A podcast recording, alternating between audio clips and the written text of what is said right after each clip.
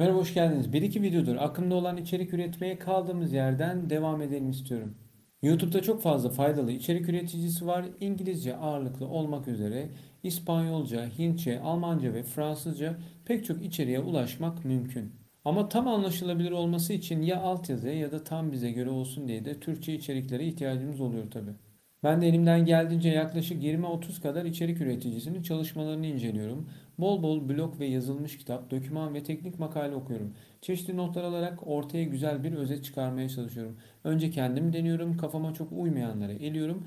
Mantıklı olabilir dediklerimi ayrı bir yere temize çekiyorum. Eli eliye de yaklaşık 1-2 haftalık bir çalışmadan sonra da yaklaşık 10-15 dakikalık bir video çıkarmaya çalışıyorum.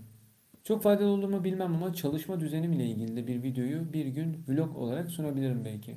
Şimdi kendinizi hazır hissediyorsanız tamam ben bu işi yaparım diyorsanız harika hadi başlayalım.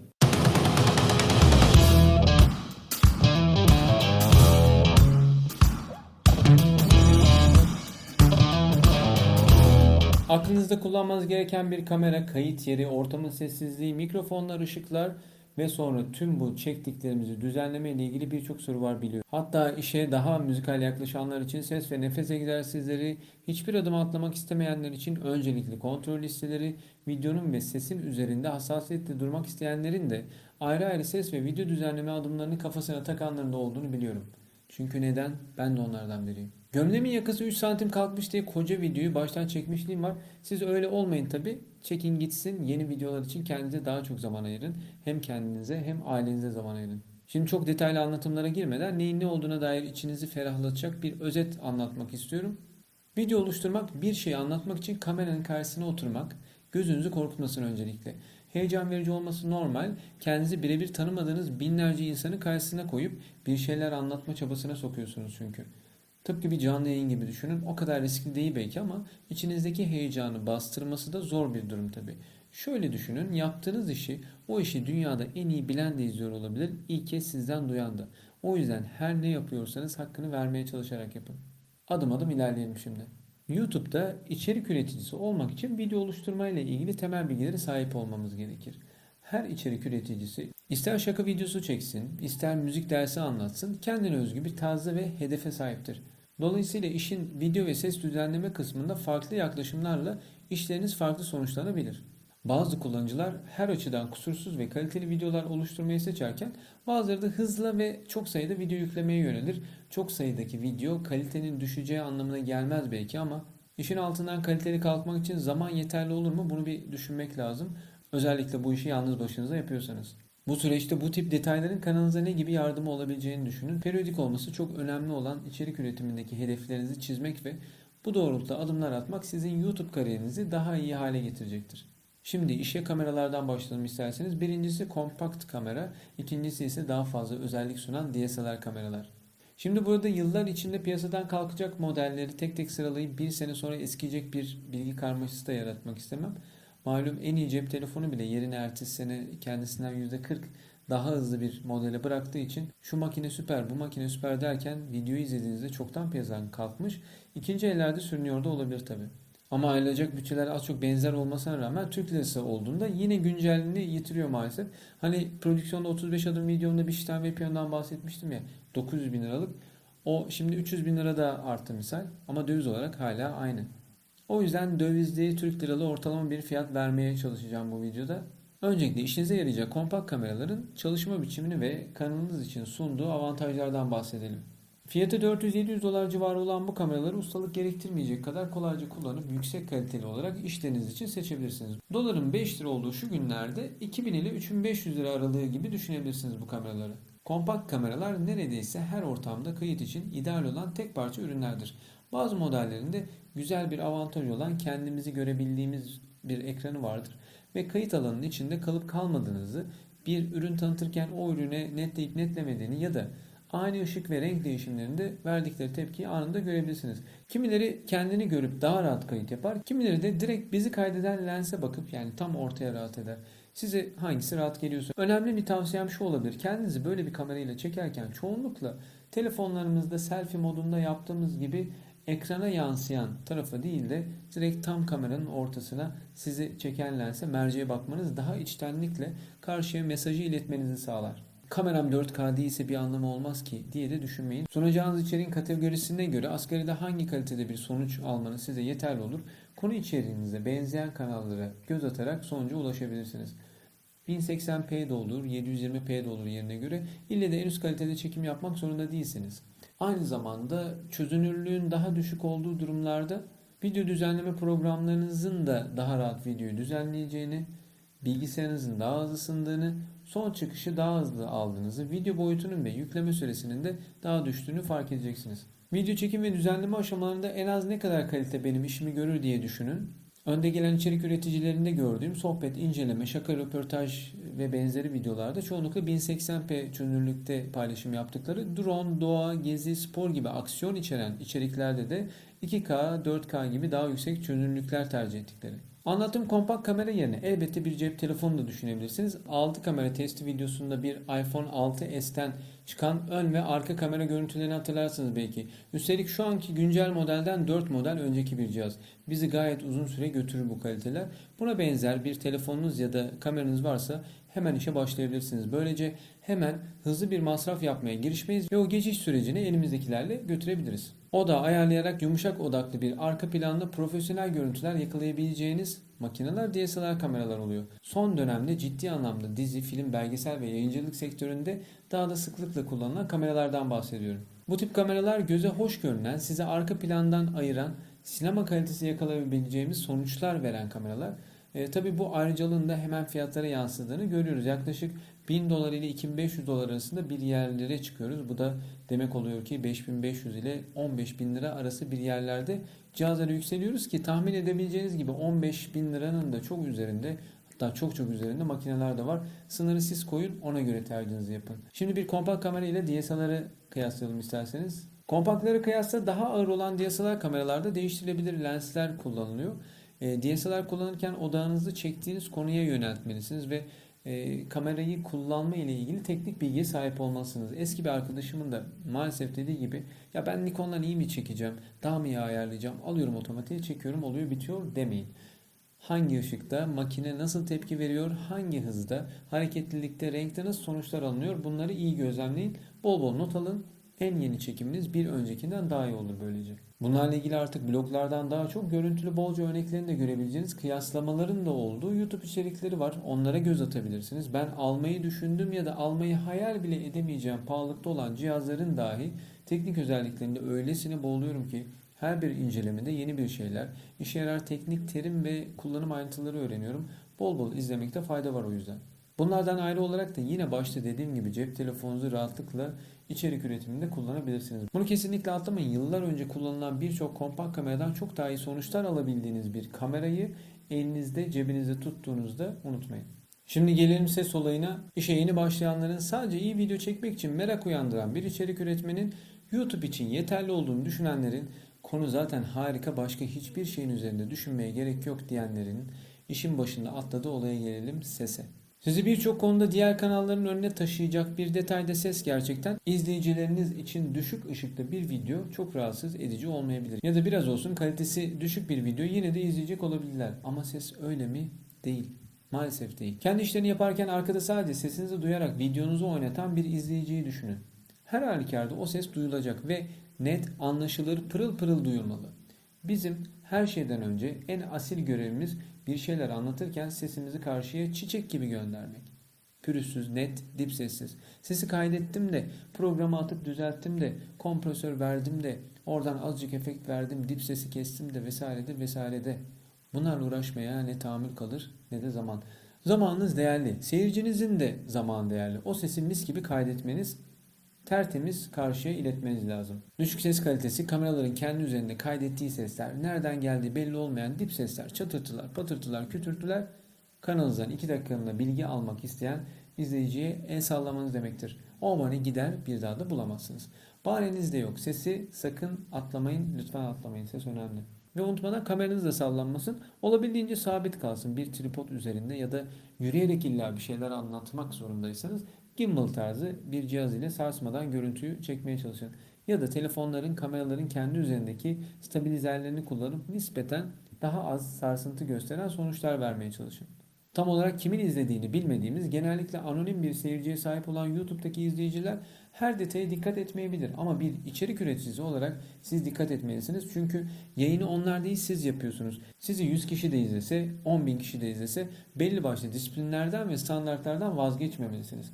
Eğer mikrofonunuz yok ve kameranın sesini kullanmak zorunda kalırsanız yaklaşık 1 metreden uzakta kalan kamera mikrofonlarında tüm odanın akustik sesini de alırsınız. Mid ve tiz frekansları daha da çok duyurursunuz. Mikrofonunuz yoksa kameradan çok uzaklaşmamaya çalışın. Yakın olun. Ama bir odada çekim yapıyorsanız ve kameranızdan uzaklaşmanız gerekiyorsa yaklaşık 1,5-2 metre uzaklıktaki bir kameranın sesinizi bir yaka mikrofonu kadar ya da önünüze koyduğunuz bir kondenser mikrofon kadar iyi almasını beklemek doğru olmaz. Bir yaka mikrofon dediğinizde yaklaşık 100 dolar gibi bir bütçeyi yani 500-600 lira aralığında bir parayı gözden çıkarmak gerekir. Tabi kullanacağınız mikrofona göre sesi doğrudan mı alsın, çok yönlü mü alsın, baktığı taraf dışında almasın mı derken birçok özelliğine göre de tercih etmek gerekebilir. En basitinden şöyle diyebilirim. Çok yönlü mikrofonlar çevredeki sesleri de alacağından ses düzenleme aşamasında size yorgunluk verebilir. Ama bir enstrüman kaydediyorsanız da zaman zaman bu çok yönlülüğe de ihtiyacınız olacaktır.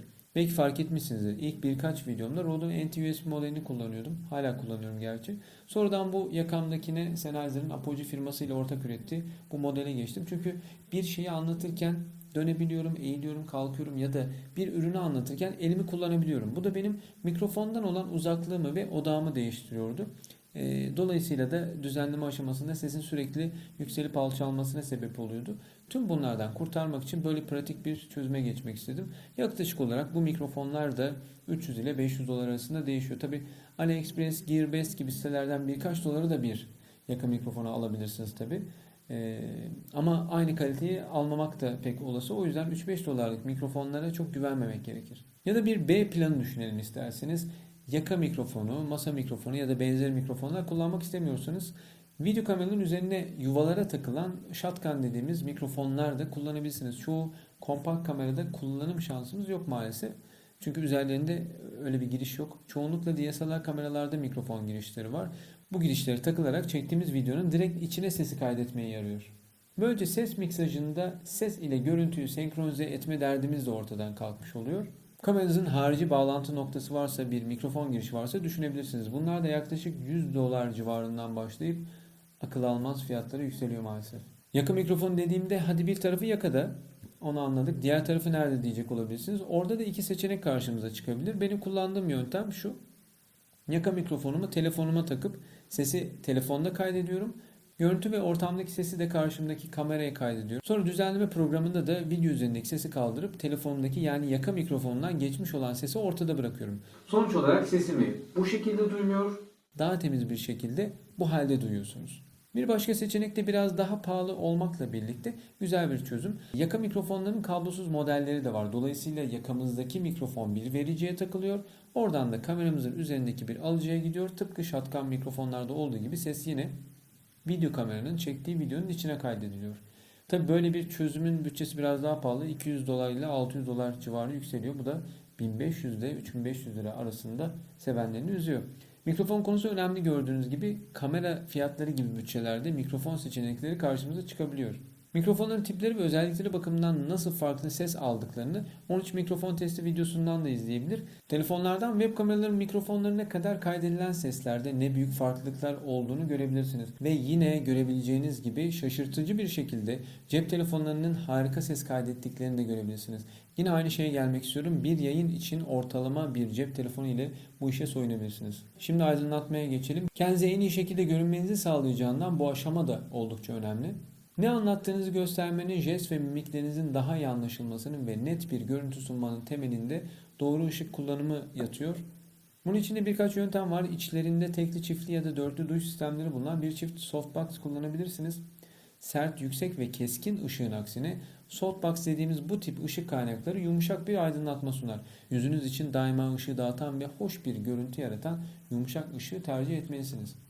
En ideali 3 açıdan aydınlatma şeklinde olsa da sağ ve sol olarak iki açıdan gelen ışık da gayet işinizi görecektir. Tabi bu ışık kaynaklarının da ampulü kameranız için de doğru yansıtması adına önemli.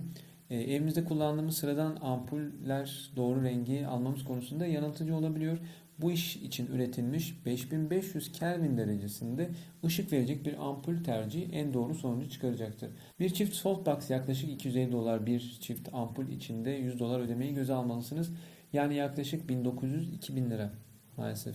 Bunun dışında halka ışıklar da yani ring light dediğimiz ışıklar da yumuşak ve güzel bir aydınlatma sunar. Yüzünüzü aydınlatarak gözlerinizin ışıltısını vurgular. Makyaj ve güzellik videoları için ilk tercihiniz yuvarlak ışıklar olabilir. Bunların maliyeti de 200 dolar yani 1000 lira civarında. Son olarak bulabileceğiniz en güçlü ve ücretsiz ışık kaynağından bahsedelim. Güneşten. Çekim yapabileceğiniz günler sınırlı olsa da çekimlerinize bu doğru ışığı katmak için en uygun seçeneklerden biri güneştir. İçerik üreticilerinin çoğu özellikle vloggerlar güneşin yumuşak ve doğal ışığından faydalanmak için bol ışık alan bir pencerenin önünde çekim yapıyorlar. Ben değil mesela. Çünkü sabah 9 akşam 7 çalıştığım için bu çok mümkün olmuyor. Genellikle videolarımı akşam işten döndükten sonra geceye yakın saatlerde çekiyorum. Mesela şu anda saat 1.30 video çekiyorum. Güneşin güzel avantajlarının yanında bir de risk yaratan durumunda şöyle. Çekime başladığınız saat ile bitirdiğiniz saatin farklı olmasından dolayı odadaki ve yüzünüzdeki tüm renk ve gölgelerin değişme ihtimali var. Ve bunun düzenleme aşamasında muhtemelen size zorluk çıkartma ihtimali de var tabi. Uzun bir çekim senaryosu planlıyorsanız güneş size dezavantaj yaratabilir. Bunu düşünerek hareket edin. Ona göre planınızı yapın. Video oluşturma ile ilgili son gereklilik olan düzenlemeden bahsedelim. Ard arda aralıklarla ya da kesintisiz çektiğiniz ya da farklı zamanlarda bir araya getirmek için planını yaparak çektiğiniz videolarınızı bir hikaye akışı içerisinde gösterirsiniz. Yapacağınız bu kurgu seyirciye kendi tarzınızı, üslubunuzu, çekim ve düzenleme tekniğinizi aktarmanızı sağlayacaktır. Teknik detaylar gözünüzü korkutmasın. Düzenleme işine yeni başladıysanız bilgisayarınıza Adobe Premiere Pro, Sony Vegas, DaVinci Resolve, Movie Maker, Final Cut Pro, iMovie gibi programlar kurabilirsiniz. Kimisi Windows'ta, kimisi Mac ortamında çalışıyor. İzlediğiniz sizi çok etkileyen Hollywood sahnelerinden fırlamış gibi görünen efektler için hayal kurup yapmanız gerekenlerden uzaklaşmayın. Öncelikle basit bir kırpma işlemini nasıl yapacağınızı öğrenin. Video akışın içinde beğendiğiniz parçaların nerelerini kullanacağınızı belirleyin ve sade bir kes yaparak fazla görüntü ve seslerden kurtulun. Bunu bir bölümde detaylıca bir içeriği beraberce düzenlerken anlatabilirim belki. Ben Final Cut programı kullanıyorum ama hepsi temel mantıkta aynı çalışıyor. Bahsettiğim yazılımların pek çoğu deneme sürümüyle yaklaşık bir aylık versiyon ile gelir. E, bu işi ciddi ve sıkıntısız bir süreçte yürütmek isterseniz de ihtiyacınıza göre olan versiyonlarını satın alıp düzenlemelerinizi daha konforlu devam ettirebilirsiniz. Bu yazılımlarda yaklaşık 100 dolar ile 1000 dolar arasında değişmekte. Düşünün ki Batman'i çeken Christopher Nolan da Adobe Premiere, Final Cut, DaVinci Resolve kullanıyor. Arkadaşına şaka yapıp elindeki slime'ı kulağına sokan küçük bir arkadaşımız da kullanıyor. O yüzden son derece profesyonel bir program kullandığınızın farkında olup onu tüm ayrıntılarıyla çözmeye, anlamaya, anlarken sabırlı olmaya çalışın ve yine bol bol araştırın, izleyin, okuyun. Yazılıma para vermekten çekinmeyin. Yazılımı bir donanım gibi elinizde tutmadığınız için belki de sadece birkaç yüz megabayt diye önemsiz gördüğünüz için parayı hak etmediğini düşünmeyin. Halbuki o da sizin bütün bu prodüksiyonunuzun en önemli parçalarından. Şöyle düşünün. Yazılım doğru çalışmazsa, sürekli kapanır ya da şişerse, orijinalinde olduğu gibi tam performans göstermezse çektiğiniz videoları izleyicinize nasıl aktaracaksınız? Korsan yazılımlarla ilgili yanlış bilinenleri de bir ara detaylıca anlatmak istiyorum. Tabii kameranızı üzerine koyacağınız 100 dolarlık bir tripodtan da bahsedebiliriz. Tavsiyem kesinlikle kötü bir tripod almayın. Bir yönetmen arkadaşımın da dediği gibi üzerine milyarlık makine koyduğunuz tripodunuz kötü ise o makine bir kez düşer ve ikinci şansınız kalmaz. Bu konuya önem verin. Üzerine belki de işiniz için en önemli sermayenizi koyuyorsunuz. Öyle düşünün. Eğer telefon kullanıyorsanız çekimlerinizde tripodunuzun üzerine takacağınız bir telefon tutucusu da önemli. Bunlar küçük ama işinize konfor katacak detaylar rahatlıkla kullanmanızı sağlar. En iyi ekipmanı bekleyeyim, tam zamanı gelince çekime başlarım demeyin. Eğer ürettiğiniz şeyin gerçekten karşınızdakini heyecanlandıracağını düşünüyorsanız çekime şimdi başlayın. Kimilerinin sizin ürettiklerinizden, bilgilerinizden faydalanacağı, eğleneceği, kendi hayatına sizin tecrübelerinizden örnekler katacağı o 1-2 dakikalık önemli andan eksik bırakmayın.